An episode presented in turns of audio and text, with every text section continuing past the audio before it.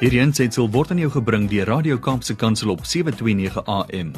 Besoek ons gerus by www.kapsekansel.co.za. Goeiedag en baie welkom by die program Markplek Ambassadeurs van CBC Suid-Afrika. Ek is Harm Engelbregt en dit is weer my voorreg om vandag te gesels met 'n gas. En ons gas se naam is Rian Rousseau. Hy is 'n besigheidsman daar uit die Karoo uit. Ehm um, voor ek met Rian gesels, net weer so 'n bietjie agtergrond oor CBC. Ons is Christian Business Men's Connection en ons is wêreldwyd betrokke in 'n bediening met sakepersone waar ons mense wil help sakepersone veral om um, hulle geloof en hulle besigheid te integreer en dan ook op te tree elke dag as as sy ambassadeurs. Ehm um, en uh, ja, die man wat hier voor my sit vandag, Rian, ek het jou leer ken 'n tydjie terug en ek het jou so opgesom as 'n man wat lief is vir die Here en wat nie skroom om te sê en te wys waarvoor jy staan nie. Ehm um, Rian baie welkom. Baie dankie Harms, lekker om hier te wees en almal wat luister. Rian, maar jy het ehm um, so klompie jare terug hier op Beaufort Wes aangekom. Jy was nie altyd op Beaufort Wes nie en jy uh, was ook nie altyd 'n kind van die Here nie. So vertel ons gou so 'n bietjie waar kom jy vandaan en hoe het jy die Here ontmoet en hoe het jy in Beaufort Wes beland? Nee, baie dankie, baie dankie Harm. Nee, jy is 100% reg. Um, ek het groot geword in Oakdale, Bellville. Uh waar my maale gebly het en huis gehad het en so aan. En daar het ek skool gegaan. Ek het hoërskool Belwel toe gegaan tot in 84 waar ek matriek geskryf het. Na matriek het ek so 'n bietjie probeer studeer, maar aanvanklik was dit nie vir my gewees nie. En uh toe ek polisie diens toe, op, op polisie mag op daai stadium. En in 1990 uh, na so 4 jaar diens, 5 jaar diens toe verhuis ek Beaufort Wes toe. En ja, hier het ek maar begin werk en as 'n speler, jong spelertjie en so opgewerk in die range in. Uh tot uh was later 'n kaptein gewees. En toe in 1999 ehm um, toe kom daar 'n ou keer die Kaap uit en hy maak 'n koffieshop oop. En 13 Desember 1999, nou op daai stadium het ek nog maar kerk toe gegaan soos enige ander maar ek het nie baie lief daarvoor gewees nie. Ek het omdat ek 'n baie swart en wit persoonlikheid het, uh, het ek altyd gevoel die man wat Saterdag aan saam met my gekuier het en Sondag aan die kerkbank sit is dis nie vir my nie. Uh, en dalk nog moeiliker omdat jy ook in die polisie mag is en daar word weer sekere goed van jou verwag om te doen en soms moet jy bietjie um, hardhandig wees en hoe hoe, skroe, hoe strook dit nou met 'n man se geloof? Ja nee definitief ehm um, ek dink jy word jy word blootgestel aan al die lelike dinge van die wêreld. Ehm um, Ek was basies 21 jaar in die speediens gewees. So jy's altyd op die toneel. Jy sit by die die nabetragting van klagtes en sake en jy's op die reak, uh, die reaktiewe gedeelte en so jy ervaar al die emosies en families en ongelukke moorde en al daai goedjies. En dan sit jy met die verwagting van die publiek en jou jou werkgewers om al die goedes te doen. En binne die raamwerk van 'n polisieman wat nie altyd uh blyk jy Christen kan wees nie. Wat eintlik ver van die waarheid af is uh, jy kan 'n Christen, kind van die Here wees op enige vlak waar al jy is of jy nou ehm um, predikant is of 'n polisieman of self 'n petroljoggie. Ehm um, ek sê altyd daar's 'n film wat ons eendag gekyk het wat praat van uh, die ou se homself voorgestel het as the most excellent petrol attendant. En dit het my so geruk om te besef dit maak saak wie wat jy is of waar jy doen is jou identiteit en, en wie jy is is wat belangrik is en waar my identiteit ons identiteit Christus is. Ehm um, maar verder dan het ons maar aangegaan ek het uh my vrou sê was die een eerste by die Here was. Ehm um, baie gebid vir my natuurlik. Ehm um, want ek was nog maar 'n rowwe ongeslepte diamant gewees. Maar ek het gedink ek was alright. Ek was nie te sleg nie. Ek het dan minder as die ander ouens gedoen. Ehm um, minder uh stout gewees en so aan. En toe 13 Desember 1999, ehm uh, toe ry ek verby hierdie koffieshop, 'n koffiewinkel, ek weet niks.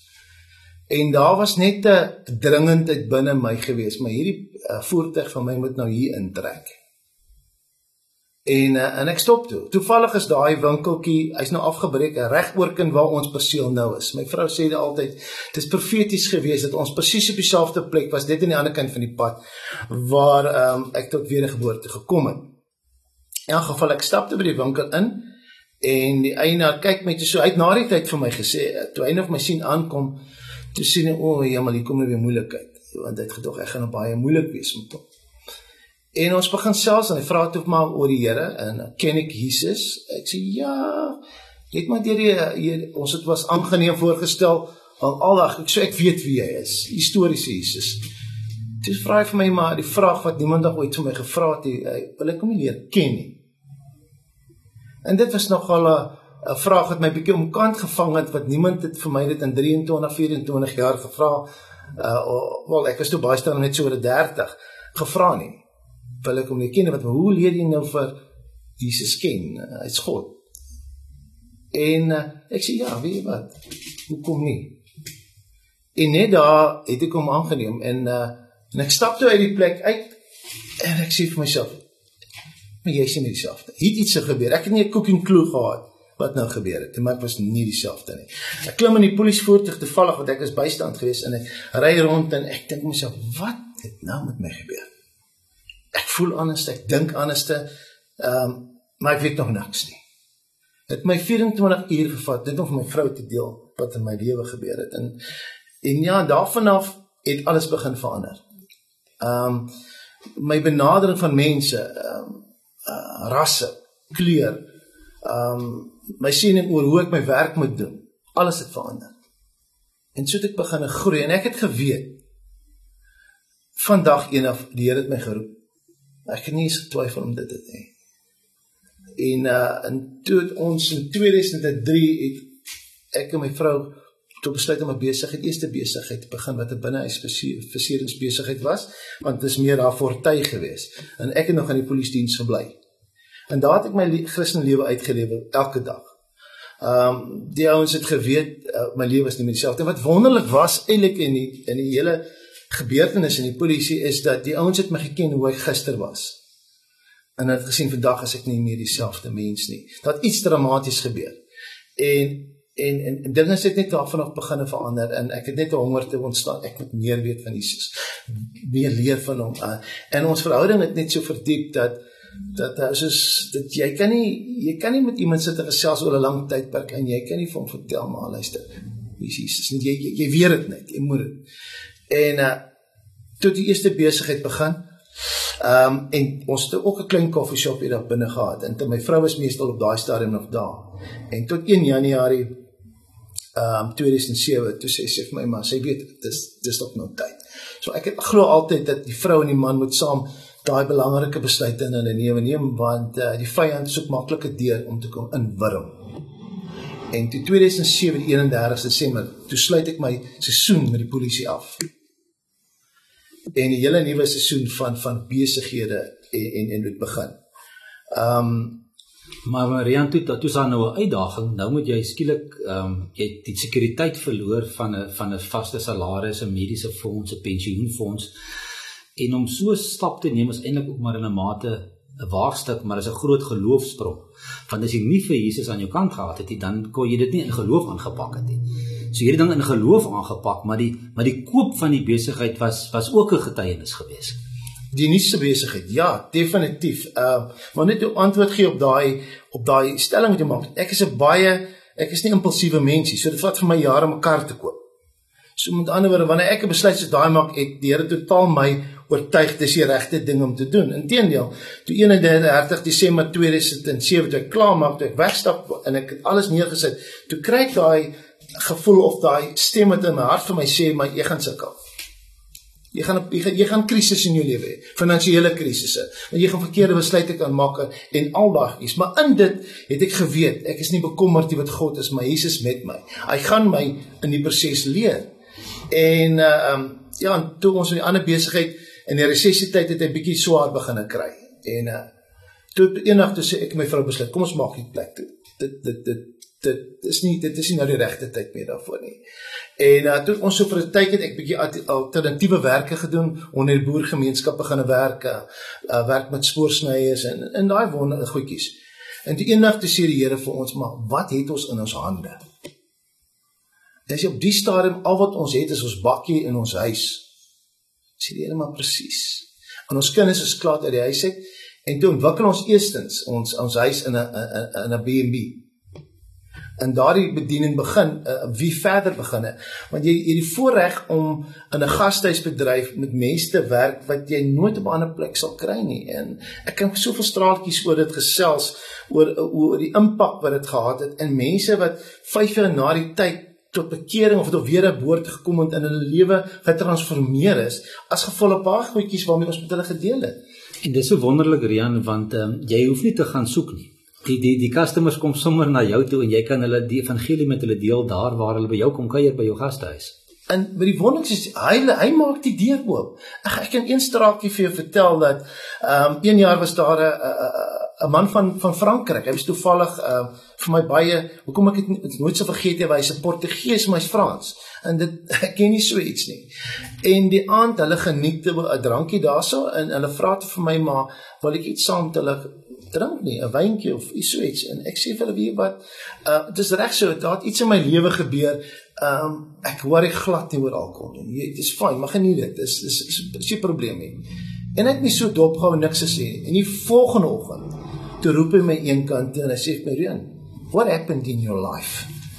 Ek sê, "Gee my toestemming om my om te getuig." My getuienis. Hy sê ja. En daar kon ek om die hele my getuienis met die evangelie hoe die Here my verander het en in die opset doen wat ek nie op ander plekke sou kon gekry het nie. En hy stap daar weg met die evangelie en wat hy nou doen, ek weet nie, maar dis nie my plek om daaroor te besin. Hy het die evangelie gekry. Die saad was gesaai. En en kyk uit 'n wêreldse wil ek amper sê scenario kon jy 'n getuienis lewer. Hy het jou iets aangebied om te drink en jy het gesê iets het gebeur. Hmm. Ons moet soms net uh, hulle praat in Engels van van we must just raise the flag. Ja. Ehm um, ons moet net daai daai klein liggie aansit. Ehm um, wat dan die vrae ontlok. En Precies. dan het ons toestemming om te praat. Ja, of baie keer die ou sofies hy, hy kyk na jou en dan sê maar luister maar as iets anders in jou. Wat wat maak jou anderste? En dan sê vir wel, as jy op jou selfoon kyk, daar sal staan Kolossense 1:27. Hou van die Engelse ene is Christ in me the hope of glory. Sê that's it.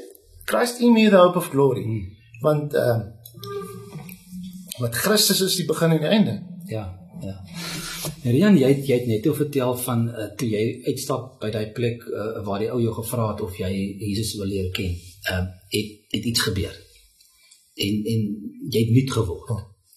Uh 2 Korintiërs 5 vers 17 sê iemand wat aan Christus behoort is 'n nuwe mens. Die ou is verby, die nuwe het gekom. Kyk, dit het alles nuut geword. En dan sê hy in vers 18 hoe dit gebeur het. Hy sê ons is versoen mm. deur Christus met met God. Ja. En dan in vers 19 sê hy ons moet daai boodskap van versoening weer gaan oordra. Absoluut. En dan vers 20 sê in die nuwe lewende vertaling ons is sy ambassadeurs. Ou vertaling praat van gesande, verteenwoordigers. Hoe sien jy as Rian elke dag jou rol jou jou opdrag om as sy verteenwoordiger, as sy ambassadeur op te tree in jou besigheid. Ag, uh, uh, maar uh, John Piper is 'n Amerikaanse uh, leraar en hy het eendag 'n stelling gemaak wat vir my geruk het. Hy sê elke persoon wat nader wat hy sien nader kom, is iemand wat seer het. En is en en maak nie saak hoe 'n man gaan reageer nou op my nie of wat ek al die situasie is nie, die potensiaal om die evangelie of die boodskap van verzoening en die liefde en herstel aan hy man oor te dra. En, en en dit is maar my filosofie is dat ehm um, enige persoon, maak nie saak hoe groot of klein ou is nie, daar is ou is 'n moontlikheid dat daai ou Jesus nodig het. En ehm um, en nou by die by die restaurant gedeelte by wat ons nou 'n jaar terug gekoop het. Ehm um, ek sal nou my getuienis rondom dit ook noem.